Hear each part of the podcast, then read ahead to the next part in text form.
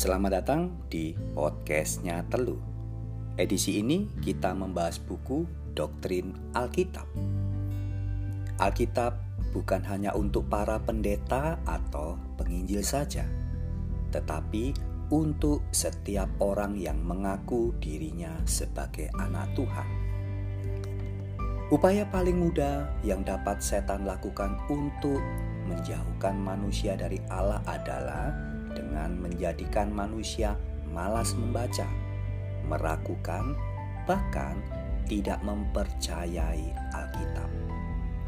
Untuk semakin mengenal Allah, kita harus memahami Alkitab itu sendiri. Studi doktrin Alkitab sangat penting untuk membimbing kita agar kita dapat memahami Alkitab dengan benar. Dengan demikian, iman kita dapat berdiri kokoh di tengah-tengah kehidupan yang serba sulit ini. Selamat mendengarkan podcastnya Telu. Tuhan memberkati.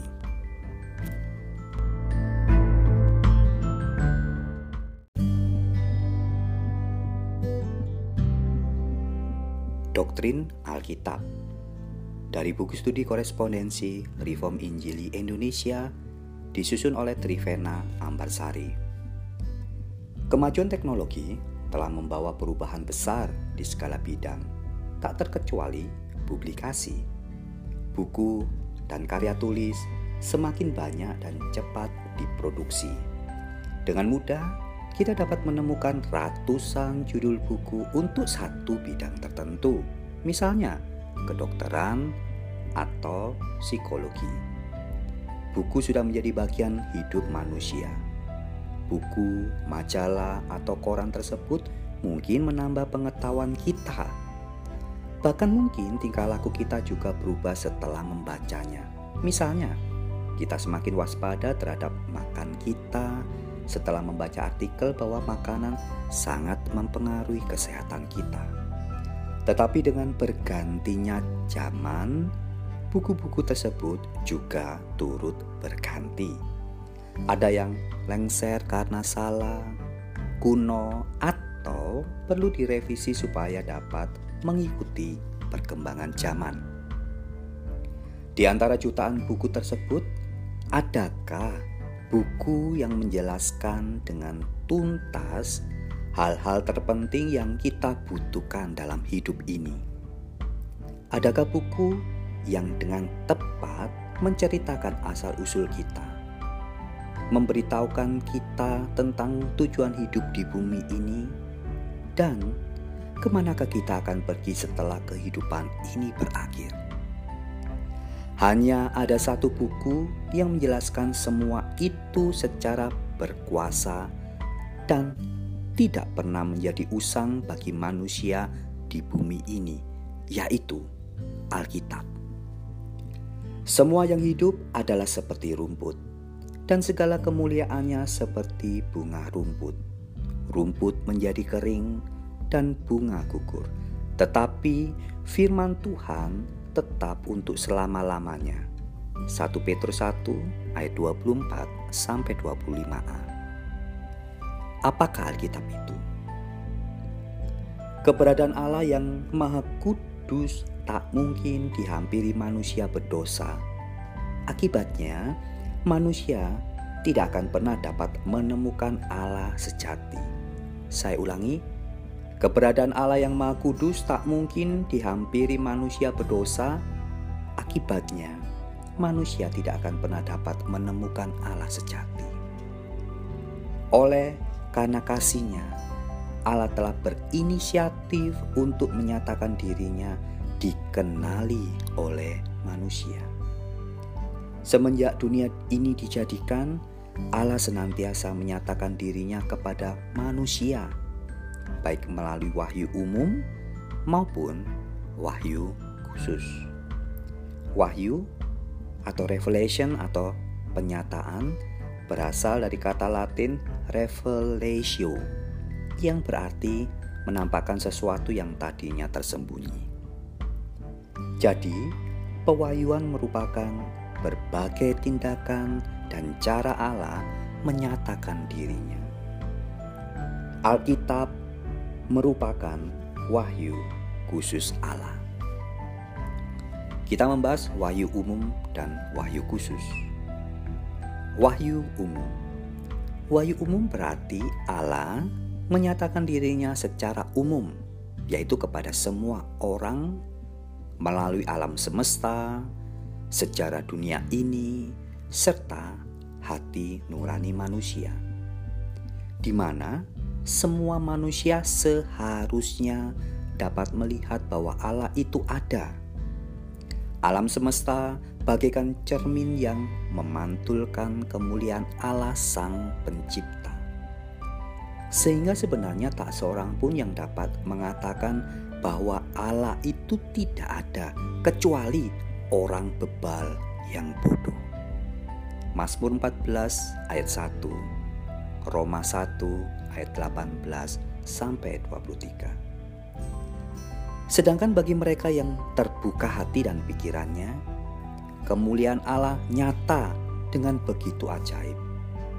Mulai dari ribuan juta benda angkasa yang berada di alam semesta hingga partikel-partikel penyusun atom yang terdiri dari molekul terkecil.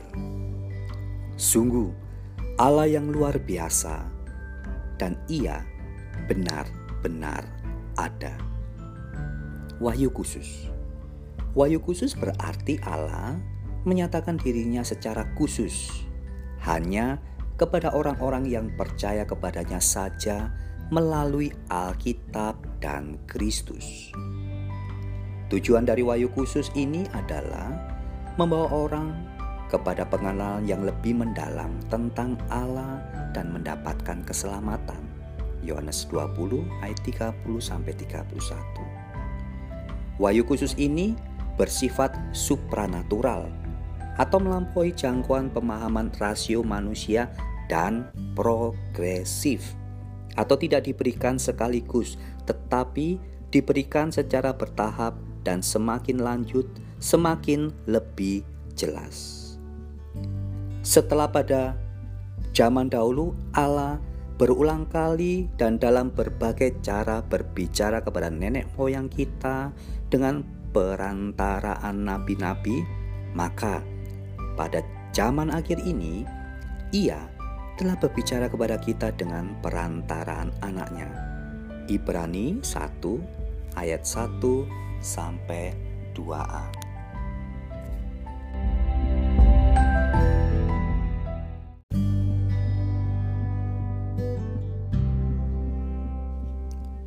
Alkitab sebagai wahyu Allah. Di antara jutaan buku-buku yang ada di dunia ini, bagaimana kita dapat meyakini bahwa Alkitab adalah benar-benar firman Allah dan bukan sekedar buku biasa? Ternyata Alkitab memiliki beberapa keunikan yang membuktikan bahwa hanya Allah saja yang dapat melakukan hal itu.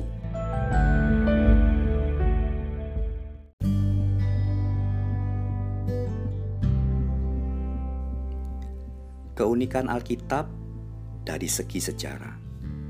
Keseluruhan Alkitab terdiri dari 66 kitab, yaitu 39 kitab Perjanjian Lama dan 27 kitab Perjanjian Baru. Kitab yang pertama ditulis mulai sejak sekitar tahun 1400 sebelum Masehi oleh Nabi Musa. Sedangkan kitab terakhir ditulis sekitar tahun 100 Masehi. Berarti jarak waktu penulisannya adalah sekitar 1500 tahun. Meskipun demikian, topik utama pembahasan dalam Alkitab tetap konsisten dan tidak memerlukan perbaikan atau perubahan apa pun untuk tetap benar di tengah perkembangan zaman sekarang ini. Sungguh ajaib bukan? Tanpa campur tangan Allah, tidak mungkin ada karya tulis seperti ini yang dapat melintasi ruang dan waktu sedemikian panjang dengan tetap benar Dapat dibayangkan betapa janggal dan sulit untuk memadukan karya ilmiah atau sastra dari zaman tahun 900 dengan karya ilmiah atau sastra di zaman modern abad 21 ini. Sekalipun sepanjang zaman Alkitab merupakan kitab yang paling dibenci oleh banyak orang dan selalu ada upaya untuk menghancurkannya. Ternyata hingga hari ini Alkitab masih tetap ada dan bahkan merupakan buku yang paling laris dibeli orang.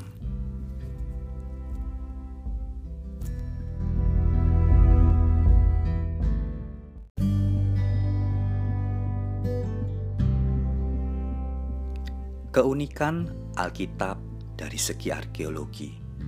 Meskipun Alkitab mencatat tentang mujizat-mujizat yang luar biasa tentang kebangkitan orang mati, kesembuhan, pengusiran setan, dan lain-lainnya, kita tetap memerlukan bukti-bukti arkeologi untuk menentukan kebenaran peristiwa-peristiwa sejarah yang tercantum di dalamnya.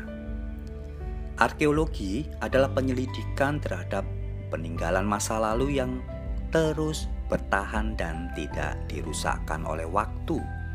Arkeologi tanpa sejarah adalah sesuatu yang tidak berarti, karena arkeologi tidak dapat memberitahukan kronologi peristiwanya. Karena itu, arkeologi dan sejarah harus saling mendukung. Mujizat-mujizat yang tercatat dalam kitab suci tidak dapat dibuktikan secara ilmiah karena sifatnya yang khusus, yaitu ajaib melampaui rasio manusia. Namun, data-data mengenai orang, tempat, dan peristiwa yang disebutkan oleh Alkitab tetap harus dapat diselidiki secara arkeologis.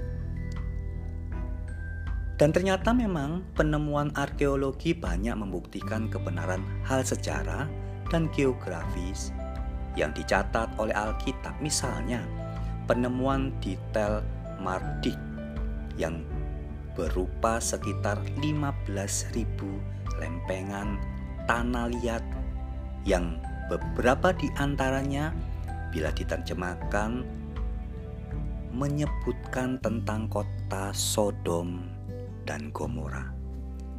Bahkan Sir William Ramsay yang begitu menentang Alkitab setelah 30 tahun menyelidiki dan melihat sendiri bukti-bukti arkeologi yang memaparkan kebenaran Alkitab, akhirnya ia bertobat dan percaya kepada Alkitab. Baginya, Alkitab adalah kitab yang terakurat. Jikalau penulis Alkitab memberikan data sejarah yang tidak tepat, tentunya orang akan meragukan apakah Alkitab layak dipercayai dalam hal-hal yang tidak dapat dibuktikan. Misalnya, mujizat eksistensi Allah yang tidak kelihatan secara fisik. Sebaliknya, jika para penulis Alkitab itu akurat dalam memberitakan hal-hal yang telah terjadi, maka tentunya mereka tidak dapat diabaikan begitu saja apabila mereka menyebutkan hal-hal yang luar biasa.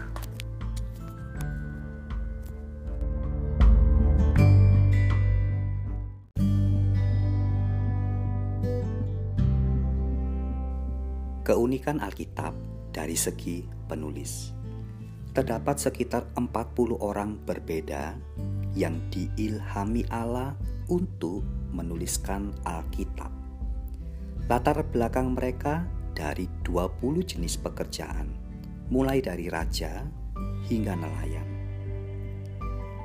Hidup di 10 negara dalam tiga benua, menulis dalam tiga bahasa, Ibrani, Aram, Yunani, dan dalam situasi yang berlainan di istana, di penjara, dalam perjalanan, dalam duka, ataupun suka. Meskipun tulisan mereka mencakup banyak pokok permasalahan, tetapi hanya satu tema utama yang dituju oleh seluruhnya, yaitu perihal karya keselamatan Allah di dalam Yesus Kristus untuk manusia. Luar biasa sekali, bukan? Memang sangat mudah untuk mendapatkan satu pokok pembahasan yang sinambung dan menyatu jika penulisnya hanya satu orang.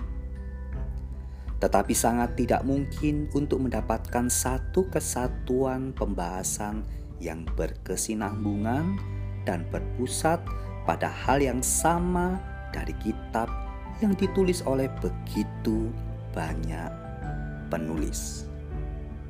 Bandingkan hal ini dengan berbagai macam buku bunga rampai yang ada di sekitar kita. Meskipun biasanya para pembicara sudah saling mengenal dan saling menyesuaikan diri satu sama lain, bahkan berasal dari zaman yang sama, tetap saja buku bunga rampai yang mereka buat tersebut kecil kemungkinannya memiliki kesinambungan pola pikir, dan kesamaan pokok pikiran utama. Sungguh hal ini merupakan musisat yang tidak mungkin dibuat oleh manusia.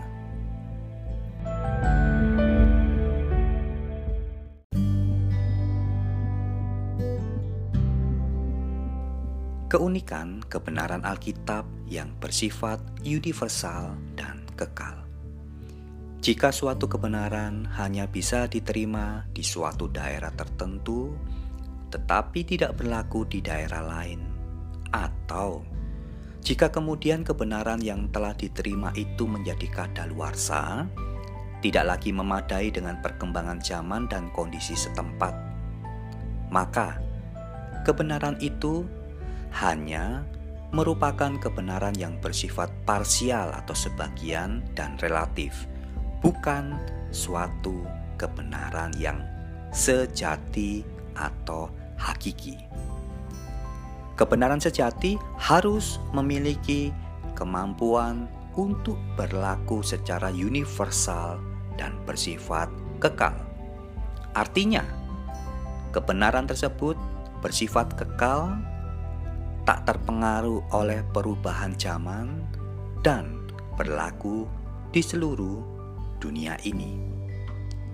Kebenaran firman Allah di dalam Alkitab tidak hanya berlaku untuk orang Yahudi atau bangsa Israel saja, tetapi juga berlaku untuk seluruh dunia atau universal. Kebenaran yang tertulis di Alkitab telah terbukti hingga saat ini, tetap kekal, tak berubah sepanjang zaman. Jika iman yang dipercayai seseorang ternyata salah, tidak sesuai dengan yang Allah kehendaki, maka orang itu sebenarnya telah ditipu oleh keyakinannya yang keliru tersebut. Ia tidak dapat masuk ke surga. Ia tidak dapat lagi meralat iman kepercayaannya setelah kehidupannya di dunia berakhir. Sungguh, suatu akibat yang sangat mengerikan.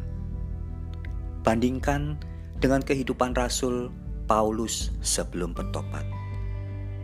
Ia menganggap dirinya sudah beriman pada kebenaran sejati. Dan ia sungguh-sungguh menjalankan apa yang ia yakini dengan menganiaya para pengikut Tuhan Yesus. Namun, ketika ia berjumpa sendiri dengan Tuhan Yesus, Sang kebenaran yang sejati, barulah Paulus menyadari kesalahannya selama ini. Ia mengalami perubahan total. Ia sendiri menjadi pengikut Kristus, bahkan rela mati untuknya. Baca Kisah Para Rasul pasal 9. Celakalah orang yang selama hidupnya di dunia beriman pada kebenaran yang palsu. Saya ulangi, celakalah orang yang selama hidupnya di dunia ini beriman pada kebenaran yang palsu.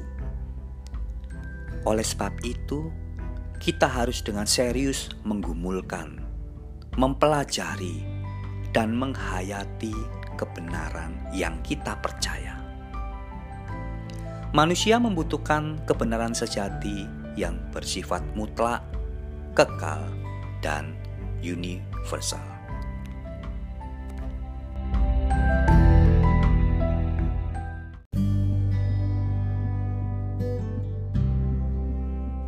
Keunikan Alkitab dari segi pengenapan nubuatan. Jarak waktu yang sangat panjang, sekitar 1500 tahun, di antara penulis kitab yang paling awal dan kitab yang paling akhir, ternyata justru membuktikan bahwa Alkitab adalah firman Allah. Jika sabda yang tertulis di dalam Alkitab berasal dari manusia, mustahil ia dapat menggenapi dengan tepat seluruh nubuatan yang telah dituliskannya. Sekalipun penulisnya adalah orang yang punya kedudukan dan kekuasaan tertinggi di dunia.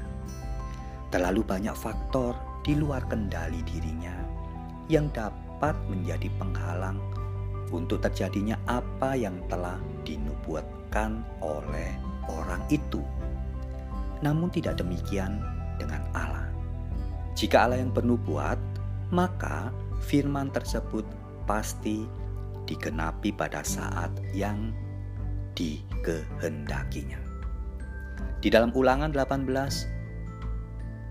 ayat 21 sampai 22. Jika sekiranya kamu berkata dalam hatimu, bagaimanakah kami mengetahui perkataan yang tidak difirmankan Tuhan? Apabila seorang nabi berkata demi nama Tuhan dan perkataannya itu tidak terjadi dan tidak sampai, maka itulah perkataan yang tidak difirmankan Tuhan.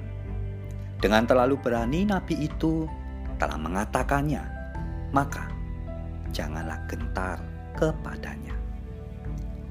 Nabi yang nubuatannya tak terkenapi pastilah ia dihukum rajam sampai mati. Banyak nubuatan di dalam perjanjian lama yang terbukti telah digenapi. Contohnya, A. Nubuatan jangka pendek Kelahiran Simpson Hakim-Hakim pasal 13 Kematian Raja Sedekia 1 Raja-Raja 24 ayat 28 dan 34 B. Nubuatan mengenai tempat, toko, dan peristiwa. Bethlehem, Mika pasal 5 ayat 1, Matius 2 ayat 1, perbudakan di Mesir, kejadian 15 ayat 12 sampai 16, Keluaran 1 ayat 7 sampai 12. C. Nubuatan mengenai Kristus. Mesias. Yesaya 9 ayat 5, Lukas 2 ayat 4 sampai 7, kematiannya.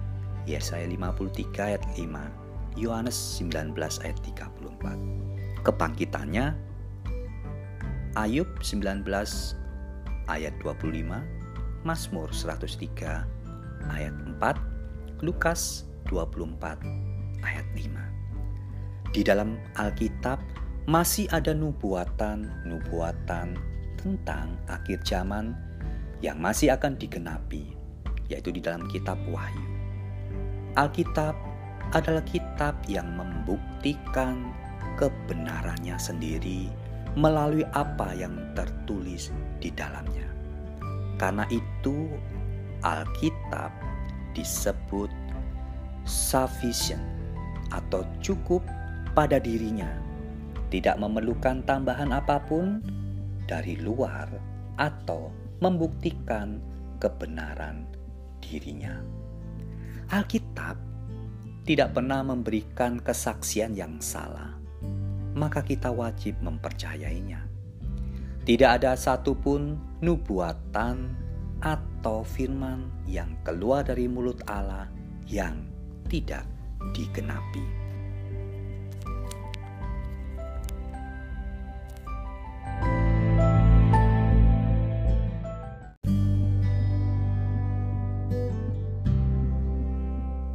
Keunikan kanonisasi Alkitab Alkitab terdiri dari 66 buah kitab yang disusun menjadi satu disebut kanon. Sedangkan proses pemilihan dan penyusunan kitab-kitab ini disebut dengan kanonisasi. Meskipun kelihatannya unsur manusia sangat berperan besar dalam menentukan apakah suatu kitab itu layak dimasukkan ke dalam kanon atau tidak, namun ternyata kanonisasi ini justru membuktikan kemahakuasaan Allah. Allah yang memegang peranan penting dalam kanonisasi. Kanon Alkitab disusun dari begitu banyak pilihan kitab-kitab yang dianggap bersifat rohani pada masa itu. Ada banyak tulisan yang dianggap dari Allah muncul pada masa intertestamental masa di mana Allah berdiam diri sekitar 400 tahun di antara perjanjian lama dan perjanjian baru. Di antaranya adalah 12 karya yang disebut kitab apokrifa oleh Roma Katolik meskipun Sinode Yamnia telah mengeluarkan 12 karya itu dari kanon perjanjian lama. Cobalah memahami dengan membayangkan seperti ini menyusun suatu bunga rampai yang terdiri dari 66 karya dari seluruh karya sastra di Indonesia ini yang periode kepenulisannya berusia 100 tahun, bukan 1500 tahun. Harus diambil dari berbagai penulis, berbagai bentuk tulisan, berbagai situasi, lalu dijadikan satu. Bunga rampai tersebut harus memenuhi tuntutan-tuntutan misalnya harus memiliki kesinambungan dalam materi yang sedang dibahas. Adanya kesamaan tema, prinsip etika, serta pengajaran dasar. Tentunya hal itu merupakan hal yang mustahil. Terlebih jika karya tersebut dituntut harus memiliki kualifikasi yang dapat mempengaruhi manusia di semua zaman dan semua tempat. Tentulah ini tidak pernah dapat dipenuhi sekalipun bunga rampai tersebut disusun oleh banyak tenaga ahli. Sesungguhnya bukan karena kehebatan dari orang-orang yang melakukan kanonisasi yang menyebabkan Alkitab dapat disusun seperti yang kita miliki hari ini, melainkan karena adanya arsitek di belakang penyusunan itu. Inilah mujizat Roh Kudus yang terbesar di dalam mengaruniakan wahyu Allah kepada manusia. Tanpa itu, tidak pernah ada kitab seperti Alkitab yang dapat dibuat di dalam sejarah manusia.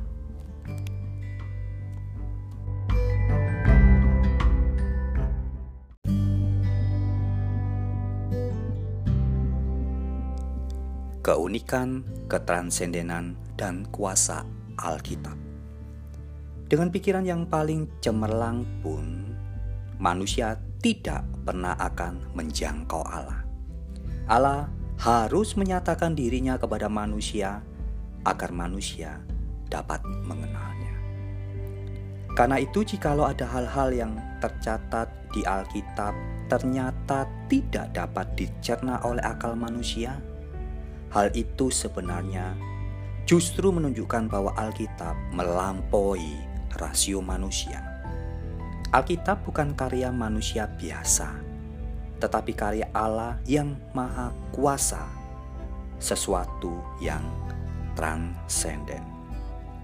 1 Korintus 2 ayat 11 menyatakan Siapa gerangan di antara manusia yang tahu apa yang terdapat di dalam diri manusia selain roh manusia sendiri yang ada di dalam dia?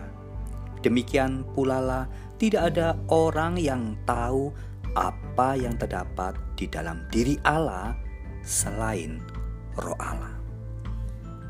Alkitab telah menyatakan kuasanya dengan mengubah sejarah dan moralitas manusia. Alkitab diwayukan Allah memang untuk memberitahu manusia bagaimana mereka harus hidup di hadapan Allah. Alkitab menyatakan ada suatu standar moralitas dari Allah yang berlaku untuk semua manusia. Sejarah membuktikan bahwa di mana firman Allah diterima seutuhnya bukan sekedar formalitas sebagai bagian hidup manusia, maka di sana ada perubahan positif yang nyata.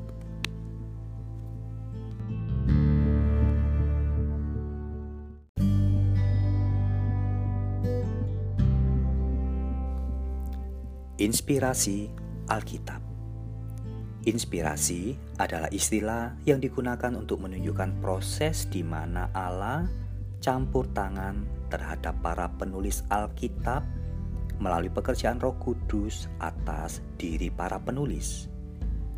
Sehingga apa yang mereka tuliskan merupakan kata-kata asli mereka, tetapi sekaligus juga merupakan catatan yang akurat dari wahyu Allah yang tidak mengandung kesalahan.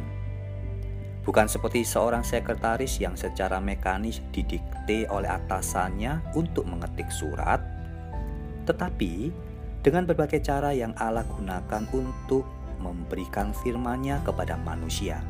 2 Timotius 3 ayat 16, 2 Petrus 1 ayat 20 sampai 21. Secara teknis, inspirasi hanya ditunjukkan pada tulisan asli, bukan salinan atau terjemahan. Alkitab merupakan penyataan Allah. Di dalamnya manusia dapat mengenal Allah, mengetahui asal-usul dirinya serta dunia ini, walaupun tidak secara detail dan kronologis. Karena memang Alkitab bukan kitab ensiklopedia, biografi, ataupun sejarah. Namun masalahnya ialah jika Alkitab itu adalah benar-benar firman Allah, bagaimanakah cara Allah menulisnya? Dalam 2 Timotius 3 ayat 16, segala tulisan yang diilhamkan Allah adalah bermanfaat. Kata yang dalam kalimat terjemahan bahasa Indonesia tersebut memberikan kesan bermakna ganda, yaitu tidak semua tulisan di dalam Alkitab merupakan firman Allah sehingga yang bermanfaat hanya yang diilhamkan Allah saja. Terjemahan yang lebih tepat adalah all scripture is God breathed and is useful for teaching. NIV. Artinya, segala tulisan Alkitab adalah diilhamkan Allah dan bermanfaat. Istilah God breathed hanya ada sekali saja di sini dalam seluruh Alkitab. Kata ini diartikan sebagai penghembusan atau peniupan nafas ilahi kepada seorang manusia melalui Roh Kudus yang mengakibatkan orang tersebut berbicara atau menulis dengan kualitas penglihatan, ketepatan, dan otoritas yang tidak mungkin ada dalam kalimat atau tulisan orang lain. Sebagaimana kita pasti menghembuskan nafas pada saat kita berbicara, demikian pula Allah menafaskan firman-Nya. Firman itu berasal dari alam pikiran Allah dan disampaikan dari mulut Allah oleh roh Allah. Oleh karena itu, dapat disimpulkan bahwa pengarang Alkitab itu tunggal, yaitu Allah sendiri. Alkitab bukan berisi firman Allah, melainkan Alkitab itu sendiri adalah firman Allah.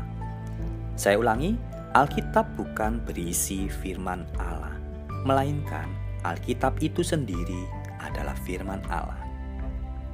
Jadi, meskipun Alkitab kita dituliskan oleh tangan-tangan manusia biasa, 2 Petrus 1 ayat 21, tetapi sumber tertinggi Alkitab itu adalah Allah sendiri. Para penulis itu digerakkan atau didorong oleh inisiatif Roh Kudus mereka tidak sanggup menolak gerakan Allah untuk berkata-kata dan menuliskan firman-Nya. Yeremia 20 ayat 9, Amos 3 ayat 8. Jadi, jelas bahwa firman Allah bukan hasil inisiatif manusia, melainkan Allah. Keberatan terhadap inspirasi. Manusia atau mesin Keberatan yang umumnya sering diajukan terhadap pandangan Kristen mengenai Alkitab adalah bahwa tulisan dalam Alkitab itu terlalu tinggi bagi pikiran manusia sehingga dapat dibayangkan bahwa para penulisnya hanyalah seperti robot yang secara mekanis menuliskan apa yang didiktekan Allah kepada mereka. Pernyataan tersebut sebenarnya menunjukkan suatu kesalahpahaman yang ekstrim mengenai diilhamkan atau inspirasi. Walaupun Alkitab menyatakan dirinya sebagai benar-benar firman dan bahwa Allah mengontrol para penulisnya sehingga apa yang ditulis mereka hanyalah apa yang dikehendakinya, namun jelas para penulis tetap menggunakan pikiran dan kepribadian mereka sendiri selama proses penulisan tersebut. Hal itu begitu jelas terlihat dalam perbedaan gaya tulisan dan pendekatan yang digunakan masing-masing penulis tersebut. Mereka bukan dijadikan robot, karena terbukti bahwa mereka masih tampak mengekspresikan kepribadian mereka yang saling berlainan dalam kitab yang mereka tulis. Melalui keunikan pribadi penulis tersebut, Allah tetap dapat menyampaikan firman-Nya. Dengan demikian, wajarlah bila di dalam Alkitab termuat hal-hal yang cukup membuat para intelektual terpesona dan kagum. Tetapi orang-orang biasa pun tetap dapat membaca dan memahaminya dan bila dibaca dengan hati yang hormat pada Allah, mereka akan menemukan Allah sendiri di dalamnya. Hal tabu apakah? Juga termasuk firman Allah. Jika Alkitab memang diinspirasikan oleh Allah yang Maha Suci dan benar, mengapa di dalam Alkitab termuat hal tentang dosa dan berbagai hal yang tidak suci? Seperti perzinahan di dalam Kejadian 19 ayat 30 sampai 38, bohong.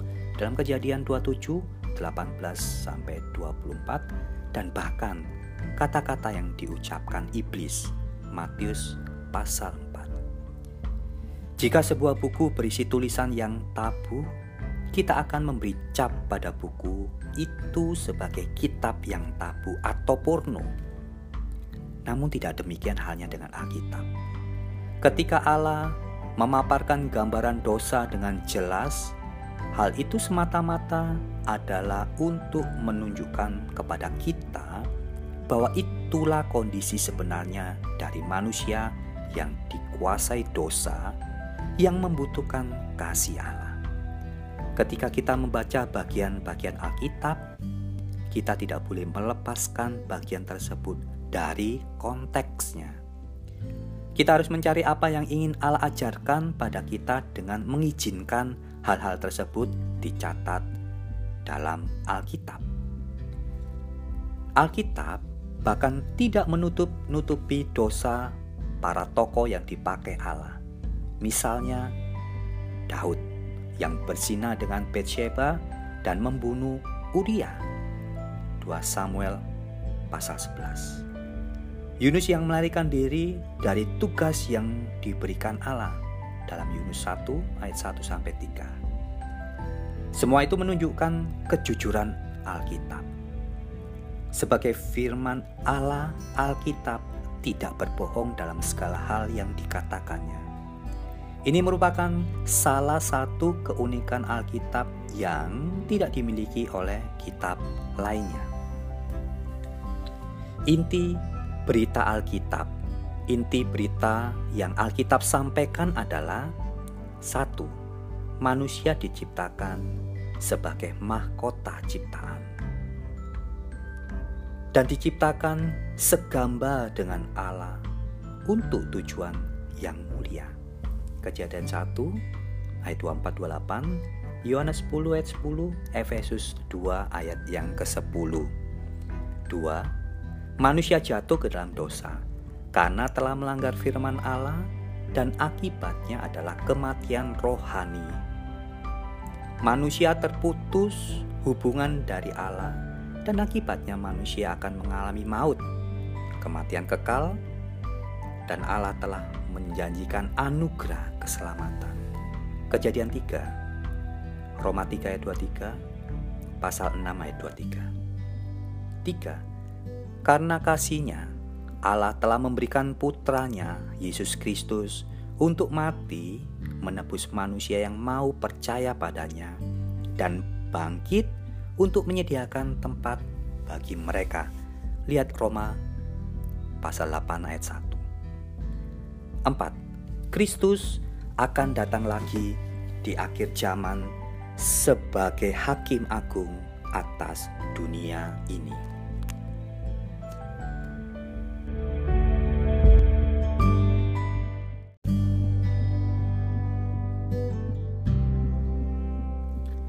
Kanonisasi Istilah kanon berasal dari bahasa Yunani yang berarti tongkat pengukur dan dari kata Ibrani artinya tongkat pengukur, standar atau norma. Secara historis memang Alkitab telah menjadi norma yang berotoritas bagi iman dan kehidupan bergereja. Proses penganonan ini dilakukan oleh berpuluh-puluh ahli kitab suci dan bahasa, dilakukan dengan teliti dan serius, memilah-milah banyak kitab atau tulisan yang dianggap suci untuk menemukan kitab-kitab yang benar-benar suci dan diwayukan Allah dan kemudian dijadikan satu. Jadi kanon berarti tulisan yang bersifat sakral dan otoritatif. Paulus menggunakan kata kanon ini dalam Galatia 6 ayat 16 sekitar abad 4 Masehi. Digunakan untuk mengacu pada sekumpulan kitab-kitab yang diakui gereja sebagai dasar aturan bagi iman dan kehidupan orang percaya. Ternyata Alkitab yang terdiri dari 66 kitab yang kita baca hari ini telah melewati proses pengujian yang sangat panjang untuk dapat diterima dan diakui sebagai firman Allah. Alkitab tidak diturunkan langsung dari surga dalam bentuk buku utuh seperti yang kita miliki sekarang. Allah tidak pernah menurunkan selembar kertas apa pun untuk diperilak manusia dan disebut sebagai firman-Nya. Lalu, bagaimana kita dapat memiliki Alkitab?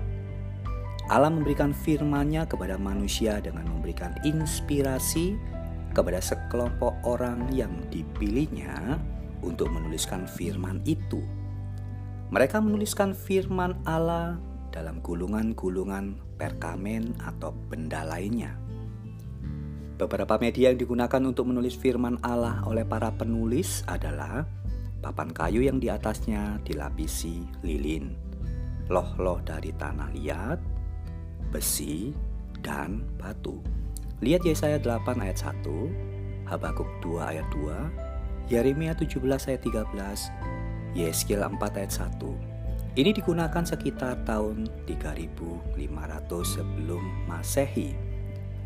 Dari batu kita bisa lihat di dalam Keluaran 24 ayat 12, pasal 31 ayat 18, Ulangan 5 ayat 22, Yosua 8 ayat 31 32 digunakan di daerah Mesopotamia Mesir, Palestina.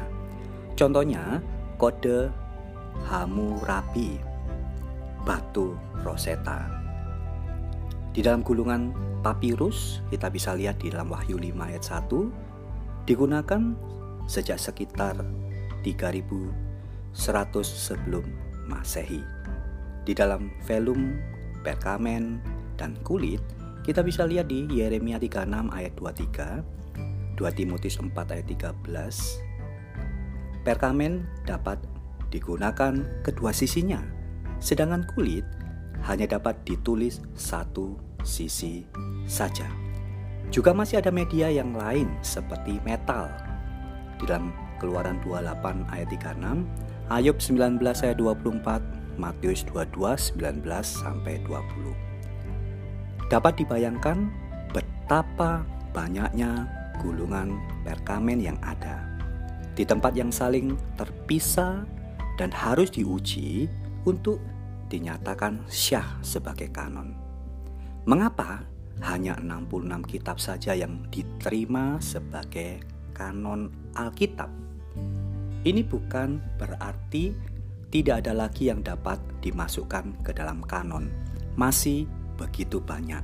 Contohnya buku-buku yang akan diuji untuk dapat diterima ke dalam kanon perjanjian baru dapat digolongkan ke dalam empat kelompok, yaitu homologomena yang diterima sebagai kanon jumlahnya 27 kitab.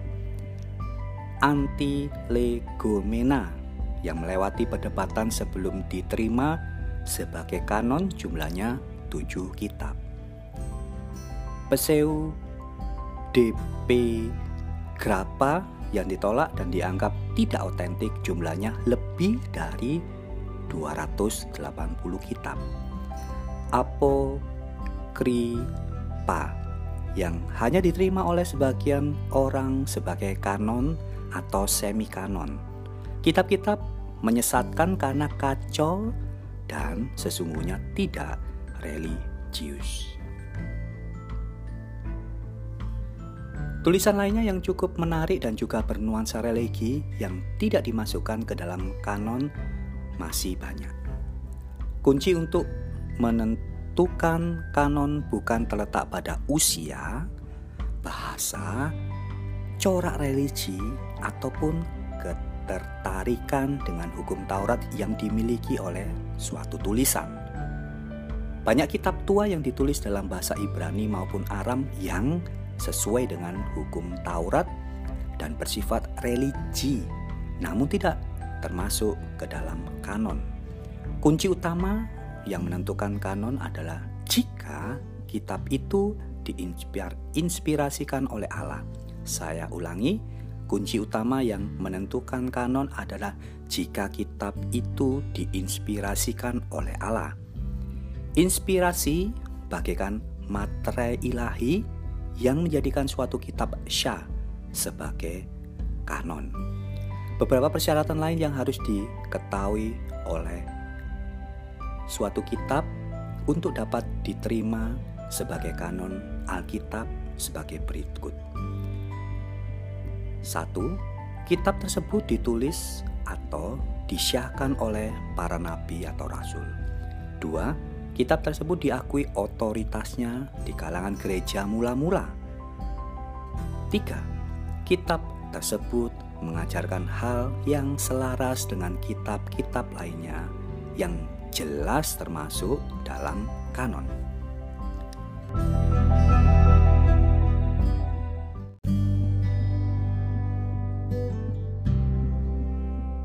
Kanon Perjanjian Lama diawali oleh tulisan Musa koleksi kanon Perjanjian Lama yang mayoritas dalam bahasa Yunani. Perlu diketahui, tidak semua kitab yang ditulis dalam bahasa Ibrani pasti diterima sebagai kanon. Namun sebaliknya ada kitab-kitab yang tidak ditulis dalam bahasa Ibrani justru diterima Syah sebagai kanon, yaitu Daniel pasal 2 ayat 4b sampai 7 dan ayat 28 serta Esra pasal 4 ayat 8 sampai 6, ayat 18, pasal 7 ayat 12 sampai 26 yang ditulis dalam bahasa Aram atau bahasa Ibrani yang sudah tercampur akibat peristiwa pembuangan yang dialami bangsa Israel. Koleksi kanon Perjanjian Lama secara progresif akhirnya terbentuk sejak sekitar tahun 400 sebelum Masehi atau sebelum Tuhan Yesus dilahirkan. Perlu diketahui, tidak lama setelah penghancuran Yerusalem oleh tentara Roma, Dewan Yahudi diamnya hanya mengesahkan perjanjian lama seperti kanon yang sudah ada, 39 kitab saja. Kitab-kitab apokrifa dalam Deutero kanonika tidak diterima dalam kanon. Konfirmasi kanon perjanjian lama antara lain diberikan oleh Tuhan Yesus sendiri. Lihat Matius pasal 26 ayat 54 dan 56, Lukas 24 ayat 44. Oleh para rasul perjanjian baru yang juga sering disebut mengutip perjanjian lama. Di dalam Yohanes 1 ayat 3, Kolose 1 ayat 16, lihat kejadian 1, Ibrani 11 ayat 4, lihat kejadian 4, 1 Timotius 2 ayat 14, lihat kejadian 3, dan lain-lain. Oleh Pilo, abad 40 Masehi, oleh Josephus, ahli sejarah Israel abad 37 Masehi, serta Talmud Babylon atau sebelum orang-orang Yahudi membagi kitab mereka menjadi tiga bagian yaitu kitab Taurat, kitab nabi-nabi, dan kitab sastra. Walaupun pembagian dan urutan kitab-kitabnya berbeda dengan Alkitab kita sekarang, namun hal penting yang harus diingat adalah kitab-kitab Perjanjian Lama yang sekarang kita miliki adalah sama dengan kanon Perjanjian Lama yang sudah ada sejak sebelum Tuhan Yesus lahir atau kanon yang disahkan sendiri oleh Tuhan Yesus. Sekitar tahun 200 BC atau sekitar 280 sampai 50 SM, Perjanjian Lama diterjemahkan ke dalam bahasa Yunani yang disebut Septuaginta atau LXX. Ini merupakan fakta bahwa kanon Perjanjian Lama telah lengkap dan semua kitab itu diterima sebagai Alkitab. Pembagian kitab dalam Perjanjian Lama sesuai kanon. A. Taurat terdiri dari lima kitab: Kejadian, Keluaran, Bilangan, Imamat, dan Ulangan. Disebut juga kitab Pentateuk, artinya lima volume. Penulisnya adalah Musa. Kitab pertama membicarakan permulaan dari segala sesuatu Keempat kitab yang lain membicarakan hal permulaan bangsa Israel. Sebuah bangsa yang dipilih Allah untuk menyatakan karya keselamatannya bagi seluruh dunia. B. Sejarah Terdiri dari 12 kitab Yosua, Hakim-Hakim, Rut, 1-2 Samuel, 1-2 Raja-Raja, 1-2 Tawarik, Esra, Nehemia, dan Esther membicarakan tentang jatuh bangunnya bangsa Israel selama kurun waktu sekitar seribu tahun. Israel menduduki Kanaan, kebimbangannya di masa hakim-hakim, kebangkitannya di masa Saul, Daud, dan Salomo. Juga mengenai kerajaan yang terpecah setelah Salomo wafat. Kerajaan utara runtuh tahun 722 sebelum Masehi dan kerajaan Yehuda runtuh sekitar seabad setelah itu. Tiga kitab terakhir mencatat sejarah para kaum Israel yang tersisa setelah masa pembuangan di Babilonia.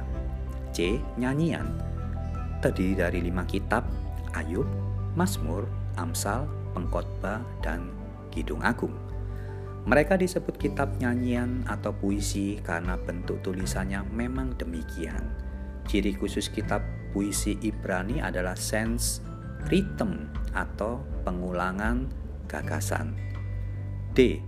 Nubuatan terdiri dari lima kitab nabi besar, Yesaya, Yeremia, Ratapan, Yeskiel, dan Daniel, serta 12 kitab nabi kecil, Hosea, Yoel, Obaja, Yunus, Mika, Nahum, Habakuk, Sefanya, Hagai, Sakaria, dan Maleaki. Urutan ini tidak disusun secara kronologis. Para nabi ini muncul untuk menyuarakan sabda Allah khususnya di masa pemberontakan, masa kemunduran, dan jatuhnya kerajaan Israel dan Yehuda.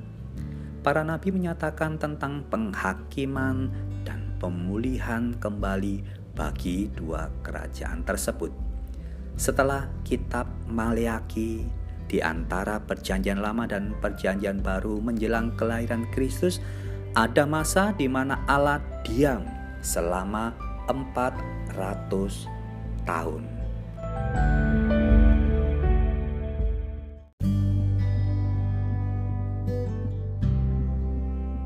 Kanon Perjanjian Baru Setelah Tuhan Yesus naik ke surga, belum sebuah kitab pun ditulis mengenai diri dan ajarannya. Karena masih belum dirasa perlu para saksi mata utama masih banyak yang hidup.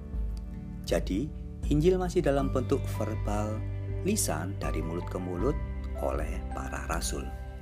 Seiring dengan berjalannya waktu, jumlah para saksi mata dan para rasul berkurang, dan semakin banyak ancaman pemberitaan ajaran-ajaran sesat. Pada masa itu, banyak ditemukan tulisan-tulisan yang bercorak rohani yang sebenarnya bukan firman Allah. Oleh karena itu, gereja merasakan begitu pentingnya ditentukan kitab-kitab manakah saja yang dapat diakui berotoritas sebagai firman Allah. Kemudian para rasul mulai menuliskan surat-suratnya untuk para jemaat. Lalu perlahan-lahan dibuat salinan surat-surat itu untuk berbagai gereja dan salinan itu dibacakan dalam pertemuan gereja. Lihat Kolose 4 ayat 16. Tulisan-tulisan ini diinspirasikan oleh Allah. 2 Petrus 1 20 sampai 21, Wahyu 22 ayat 18, Efesus 3 ayat 5. Pada tahun 367 Masehi, pada surat Paskah Athanasius ke-39 ditemukan daftar dari 27 kitab perjanjian baru yang diterima oleh gereja-gereja di timur Mediterania. Sedangkan gereja-gereja barat baru menerima kanon perjanjian baru ini 30 tahun kemudian dalam konsili Kartago tahun 397 Masehi. Lalu pada tahun 419 Masehi kanon perjanjian baru sudah disusun seperti kini, yaitu 27 kitab perjanjian baru dan 39 kitab perjanjian lama. Pembagian kitab dalam perjanjian baru ada tujuh kitab dalam perjanjian baru yang sempat diperdebatkan sebelum diterima sebagai kanon, yaitu kitab Ibrani, karena masalah penulisannya yang anonim, Yakobus, karena masalah kepenulisan dan ajarannya yang seolah mementingkan perbuatan. 2 Petrus karena masalah beda style dengan 1 Petrus. 2 dan 3 Yohanes karena masalah keasliannya yang suratnya ini bersifat pribadi dan kalangan terbatas. Yudas karena masalah keotentikannya dan Wahyu masalah mileniumnya, namun akhirnya diakui sepenuhnya oleh seluruh gereja. Pembagian kitab dalam perjanjian baru sesuai kanon pada umumnya dapat dilihat dalam kanon Athanasius 367 Masehi. A. Injil terdiri dari empat kitab Matius, Markus, Lukas, dan Yohanes mencatat tentang kehidupan dan pelayanan Kristus selama di dunia. Matius menekankan Kristus sebagai raja. Markus menekankan ia sebagai hamba. Lukas menekankan ia sebagai manusia. Yohanes menekankan ia sebagai anak Allah. Namun, keempat penulis tersebut tetap menampilkan tulisannya dengan harmonis. B. Sejarah terdiri dari satu kitab kitab para rasul mencatat perkembangan kekristenan setelah kenaikan Kristus. C. Surat-surat terdiri dari 14 kitab surat Paulus, Roma, 1-2 Korintus, Galatia, Efesus, Filipi, Kolose, 1-2 Tesalonika, 1-2 Timotius, Titus, Filemon dan Ibrani, serta tujuh surat non Paulus yaitu Yakobus, 1-2 Petrus, 1-3 Yohanes, Yudas. Ke-21 surat ini dipakai Allah untuk mengkomunikasikan kebenarannya kepada gerejanya. Susunan ini tidak kronologis, tetapi sesuai urutan kepenulisan. Ada empat surat Paulus yang ditujukan kepada individu disebut surat penggembalaan. D. Kitab Apokaliptik terdiri dari satu kitab, yaitu Wahyu. Merupakan kitab terklimaks dalam Alkitab memberi kita sekilas gambaran mengenai masa yang akan datang dan pengenapan sejarah pada saat kedatangan Kristus yang kedua kali sebagai hakim yang agung. Gereja sebagai persekutuan orang-orang yang telah ditebus yang beriman sungguh-sungguh dalam Kristus menjadi satu-satunya pihak yang layak untuk tugas ini. Tetapi sebenarnya gereja bukan menentukan atau menciptakan kanon, tetapi gereja hanya mengesahkan kitab-kitab yang memiliki tanda-tanda kanonitas dan karena itu kitab-kitab tersebut memiliki otoritas di dalam gereja. Proses kanonisasi ini sangat sulit dan rumit, serta mustahil tanpa pertolongan Allah. Namun, pada konsili di Trente tahun 1545 sampai 1563, kaum Katolik secara resmi menambahkan kitab apokrifa ke dalam kanon mereka. Walaupun kitab apokrifa ini hanya disebut mereka sebagai Deuterokanonika atau kanon kedua, tetapi itu berarti mereka mengakui bahwa kitab apokrifa memiliki otoritas sama seperti Alkitab.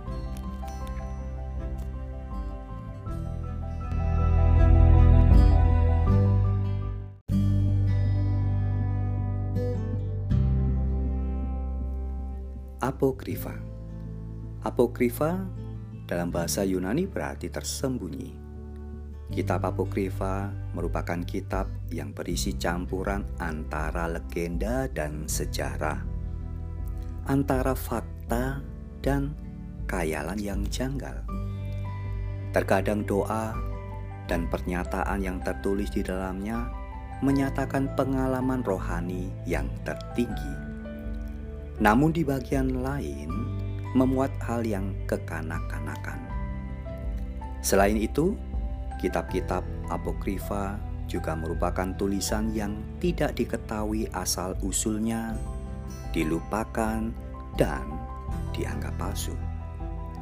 Kitab-kitab apokrifa Perjanjian Lama tersebut ditulis di masa senjang 400 tahun antara kitab Maleaki dan Matius. Padahal, menurut sejarah Yahudi, masa itu adalah masa yang penuh derita dan peperangan bagi bangsa Yahudi. Bahkan Alkitab berdiam diri selama masa tersebut.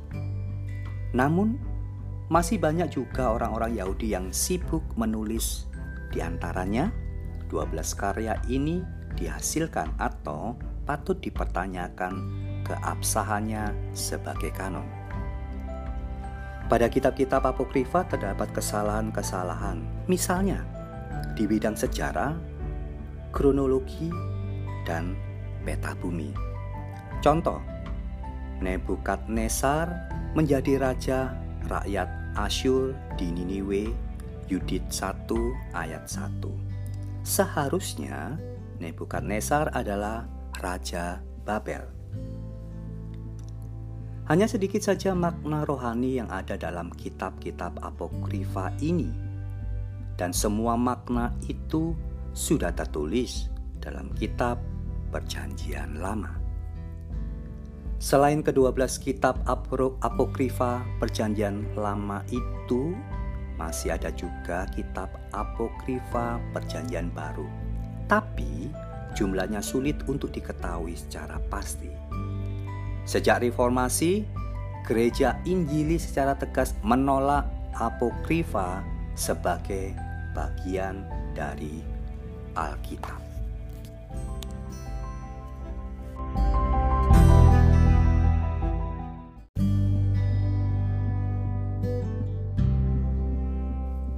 Alkitab sebagai firman Allah.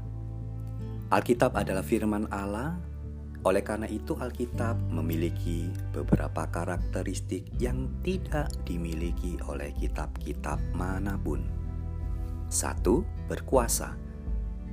Alkitab berkuasa dan memiliki wibawa tertinggi bagi kehidupan manusia.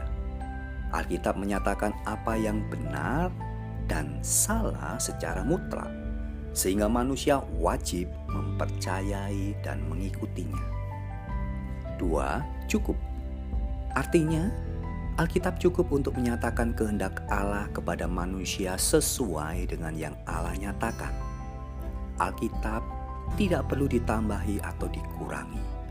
Tidak ada kitab lain yang memiliki nilai otoritas dan kuasa setara dengan Alkitab. Tidak ada ayat di dalam Alkitab yang boleh dibuang dan dinyatakan tidak berlaku sampai akhir dunia ini. Tiga, tidak bisa kilaf. Karena Alkitab merupakan firman Allah yang dituliskan melalui pengilhaman Roh Kudus, maka Alkitab tidak bersalah sedikit pun. Tidak mungkin menyesatkan atau kilaf dalam menyatakan maksud dan ajarannya yang diperlukan manusia adalah hanya untuk membuka hati supaya dapat menerima kebenaran firman Allah ini. 4. Tidak bisa salah. Alkitab tidak bisa salah karena bukan produk manusia. Alkitab diilhamkan oleh Allah yang maha besar itu sendiri dan roh kudus turut berperan dalam penulisannya. Karena itu, Alkitab tidak bisa bersalah dalam ajaran, maksud, dan juga kalimat-kalimatnya, baik secara geografis, historis, maupun teologis. Pemahaman ini khususnya menunjukkan pada setiap huruf pada naskah asli Alkitab yang tidak bersalah hingga detail terkecil.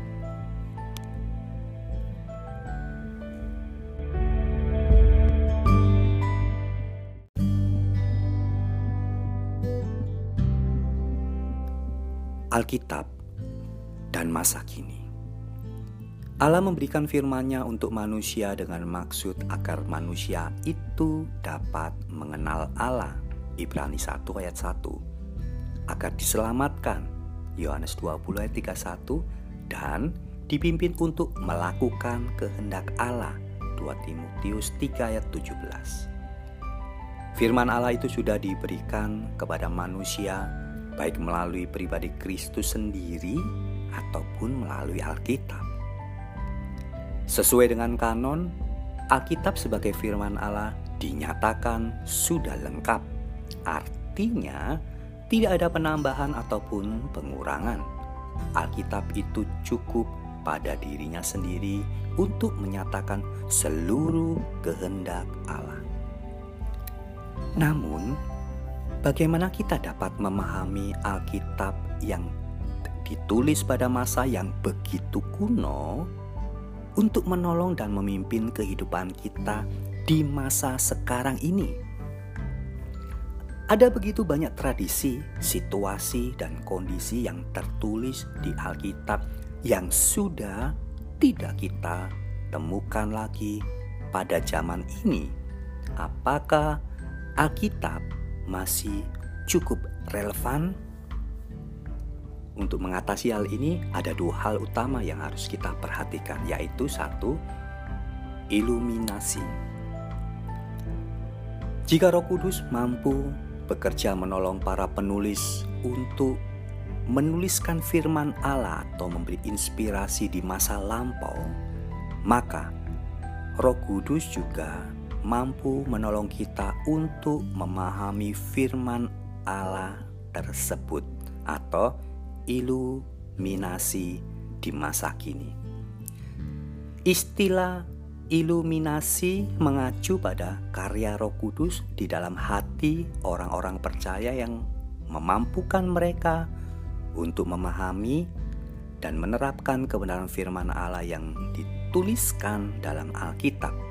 Lihat 1 Korintus 2 ayat 9 sampai 14. 2. Interpretasi.